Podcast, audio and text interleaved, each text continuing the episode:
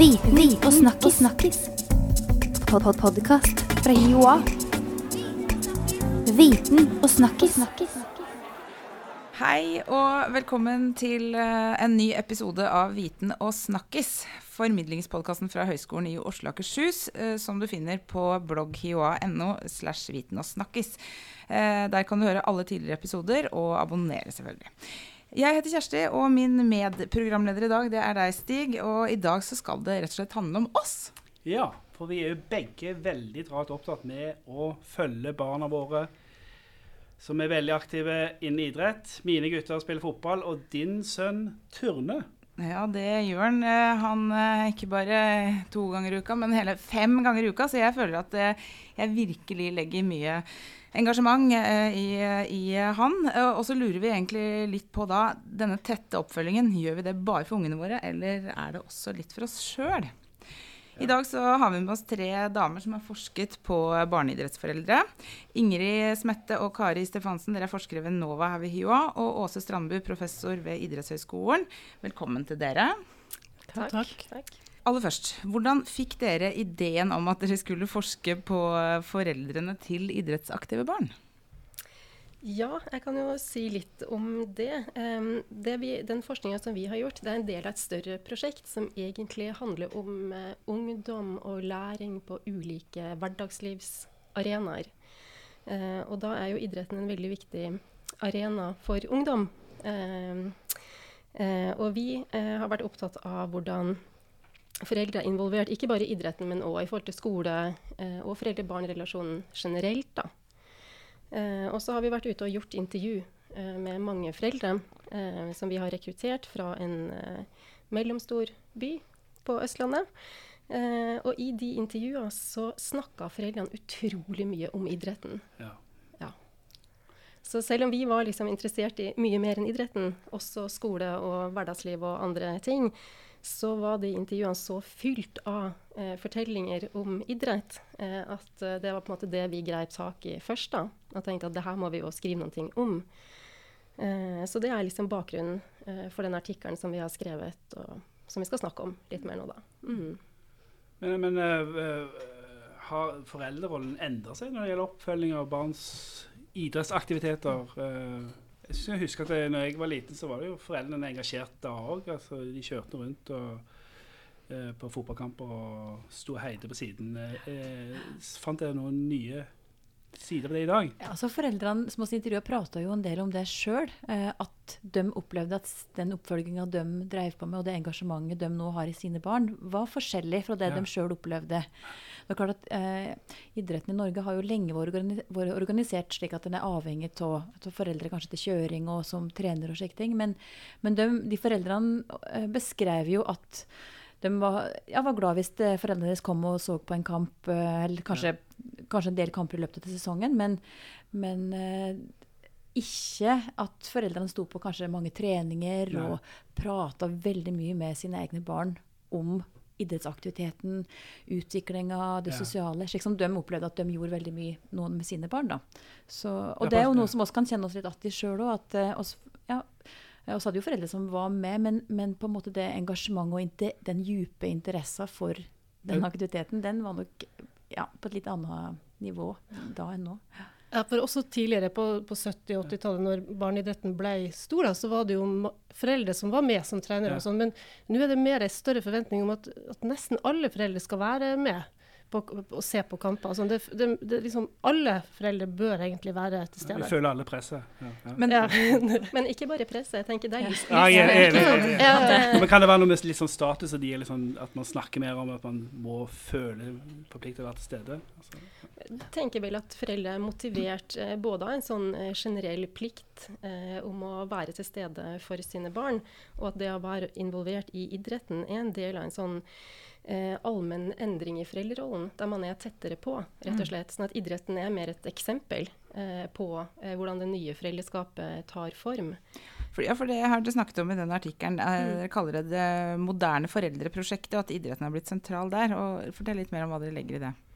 Altså I det moderne foreldreprosjektet eh, så ligger det jo et sånt foreldre, eh, en type foreldreskap der man nettopp ønsker å være veldig tett på og involvert eh, i barnas oppvekst. Og da man nå kanskje eh, føle på at man har et stort ansvar for barnets utvikling. Eh, og at det å være tett på handler om eh, både om liksom nær emosjonell kontakt og den gleden det gir, men òg om å liksom følge opp på barnets utvikling.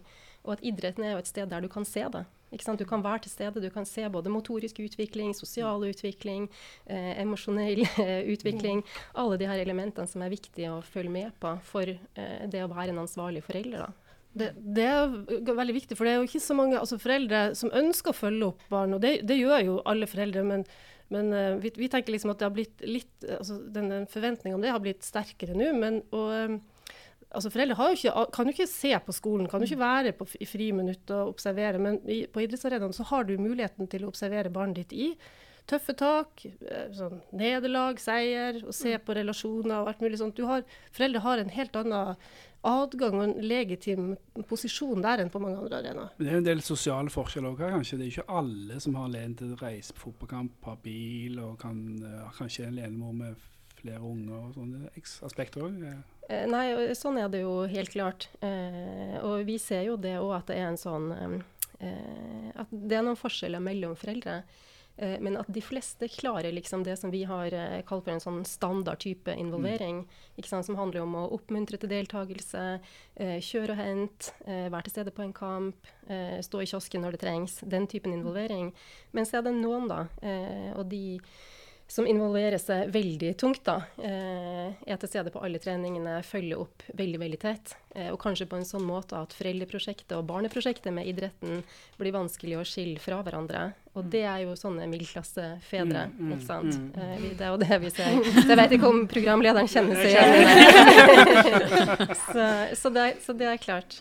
Men jeg tenker også at dette med å følge opp altså Du var inne på dette med status. ikke sant? Gir det status Er det noe forskjell på type si, idrett? Er det noe forskjell på hvordan altså jeg tenker, Du kan stå i kiosken, men du kan også liksom være trener og være veldig sånn aktiv sånn organisatorisk i i, eh, ja, i foreninga f.eks. For Eller så tenker jeg også at det er, kanskje er mange foreldre som tenker at det er jeg fikk ikke til dette her, så nå lever jeg min drøm gjennom barna. Hvordan mm. Ser du noen forskjell på disse tingene? Det.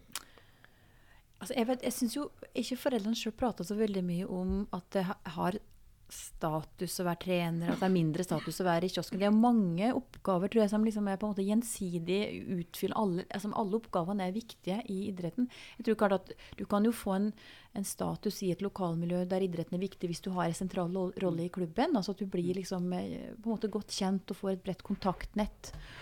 Eh, og slike ting. Det, det, det, tror jeg er klart. Men eh, ja. Eh, det, men det er klart det kan hende at foreldrene ikke prater så mye om det. At det, at det er fordi at det er liksom det, Man snakker ikke om status nei. på den måten, men det er kanskje en forventning i det sosiale miljøet at man stiller opp, at de som ikke stiller opp, blir lagt merke til. Det tror jeg. Altså, jeg tror er mer sånn uh, press der. Ja. Sånn, men, men, det er også viktig, som, som Kari trakk inn i sted, at, at veldig mange foreldre syns jo det er stas. De syns det ja, rett og slett er altså, Også fordi mange foreldre sjøl har erfaring fra idrett, så er de rett og slett veldig interessert i det. De syns det er kjempegøy med fotball, og da syns de det er ekstra gøy når egne unger spiller. Ja, ja, men, altså, jeg, kjenner, jeg, jeg, er jo veldig opptatt av det selv personlig, men jeg tenker jo at det er jo visst press på de andre som ikke er så interessert i fotball, og som allikevel føler seg forpliktet til å stille opp, da, for sånn skal jo moderne foreldre være. Ja, de fins også, helt klart. Men til en viss grad så er vel det helt greit. Ja. Eh, at vi forventer at foreldre stiller opp for barna sine. Eh, men det er klart, hvis man forventer en deltakelse fra eh, foreldre som blir veldig vanskelig og krever veldig mye, så er det jo problematisk. Men at vi syns det er fint at foreldre er til stede på en kamp, det tenker jeg liksom må, være, må, være, helt greit. Men et, et, poeng som vi har vært opptatt av i den artikkelen, er jo at um, de her foreldrene som er foreldre til ungdom i dag, de har jo sjøl vokst opp med idretten. Så de er jo de første generasjonene som har vokst opp med idretten som liksom en helt normal, selvfølgelig del av, eh, av sitt eget liv. Ja, organisert idrett. Og, organisert idrett, ja. Eh, sånn at eh, de er jo også kompetente. De har masse erfaring, og du føler seg hjemme på mm. idrettsarenaen. Mm. Eh, og at det er en sånn generasjonsutskifting blant mm. foreldre, så stadig nye foreldre som kommer inn, som har vokst opp med idretten. Mm. Og det er òg en viktig grunn da, mm. eh, til at de er involvert i idretten. Men jeg lurer på en ting, for at uh, dette med, som dere snakka om i stad, at uh, foreldrene får en mulighet i idretten muligheten til å se hvordan barna fungerer på alle mulige områder.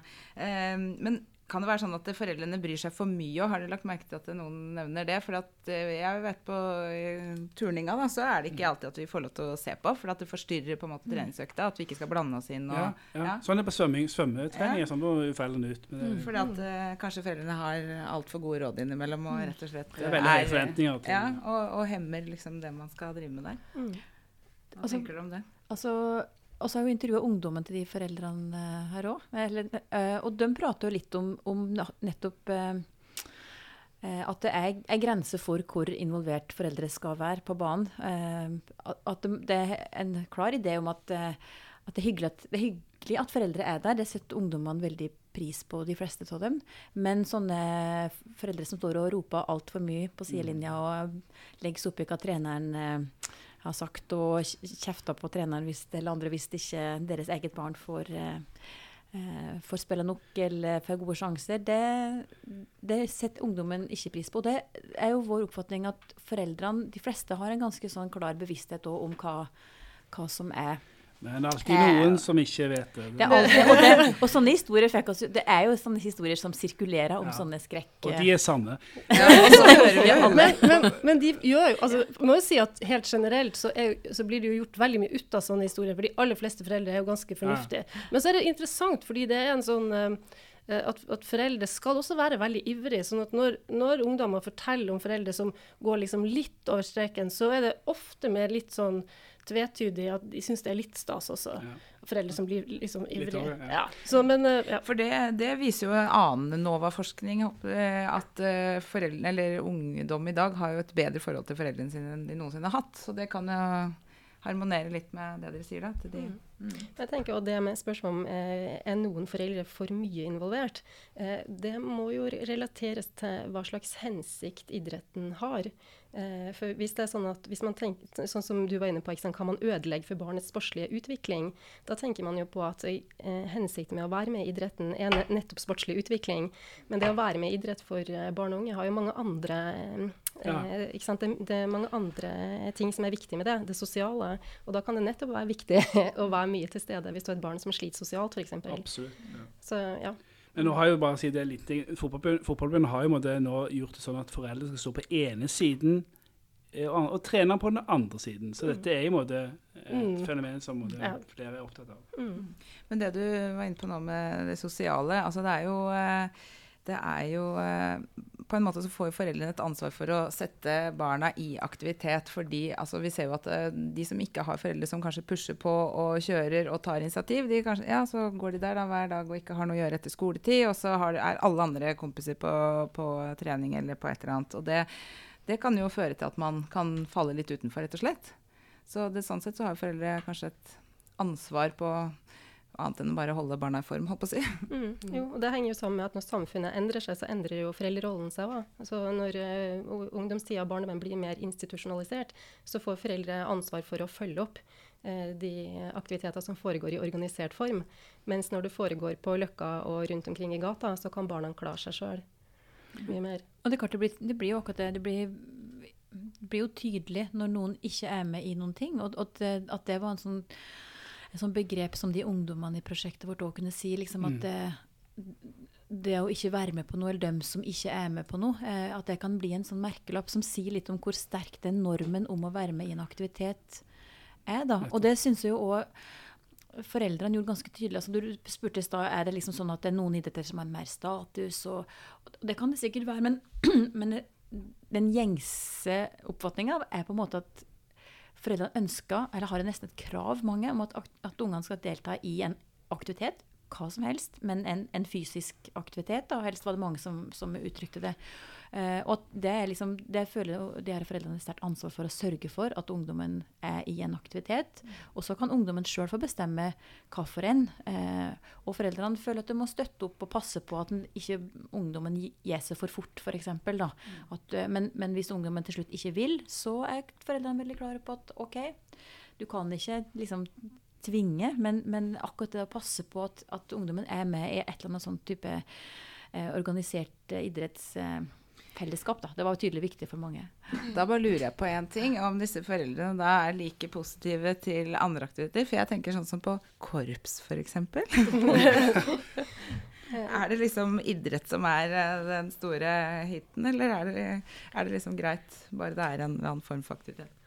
Altså jeg tror I det lokalmiljøet som vi har gjort uh, den studien i, så står idretten veldig sterkt. da. Og, mm. og, sterkere tror jeg enn sånne kulturelle mm. aktiviteter som korps. For og eksempel. korps har jo òg litt mindre utbredelse blant de eldre. Uh, ja. altså, den, altså, Det her var jo 14-åringer. Uh. Ja, men det er mange som faller fra i organisert idrett òg. 13-14-årsalderen er det jo vanlig at man har hatt frafall, så vidt jeg har forstått. Ja, det, det, er det. I løpet av tenårene så er det helt ja. uh, dramatisk. Det. Ja, da står man ofte på bar bakke hvis man har hele livet sitt eller frislivet i, i, lagt opp til organisert fotball. Er ikke det kommer jo litt an på hva du Hvis, hvis kompisene dine slutter ja, også, så kan dere finne på noe annet. Mm. Litt... Hvis du har spilt i korps, da, så kan du jo spille kornett livet ut. Liksom. Nettopp. Ja. Som Kjersti her.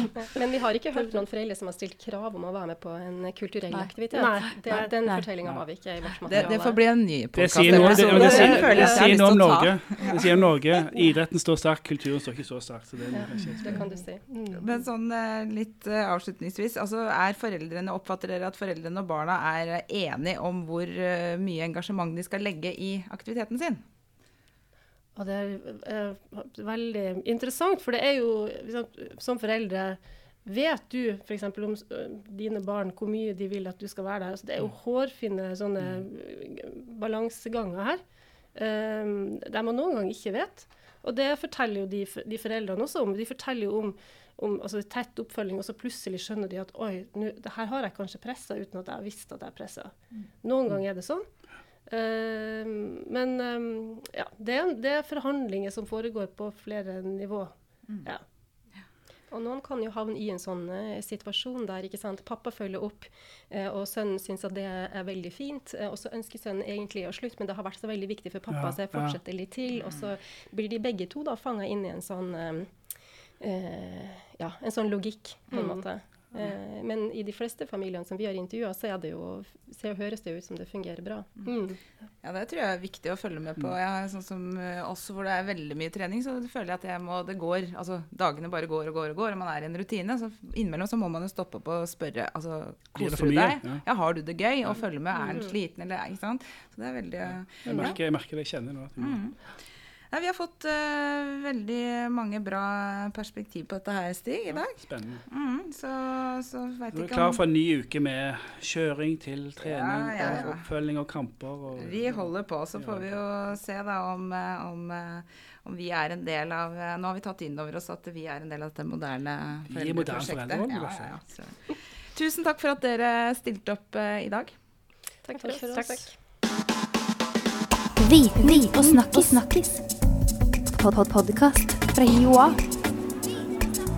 Viten og snakkis.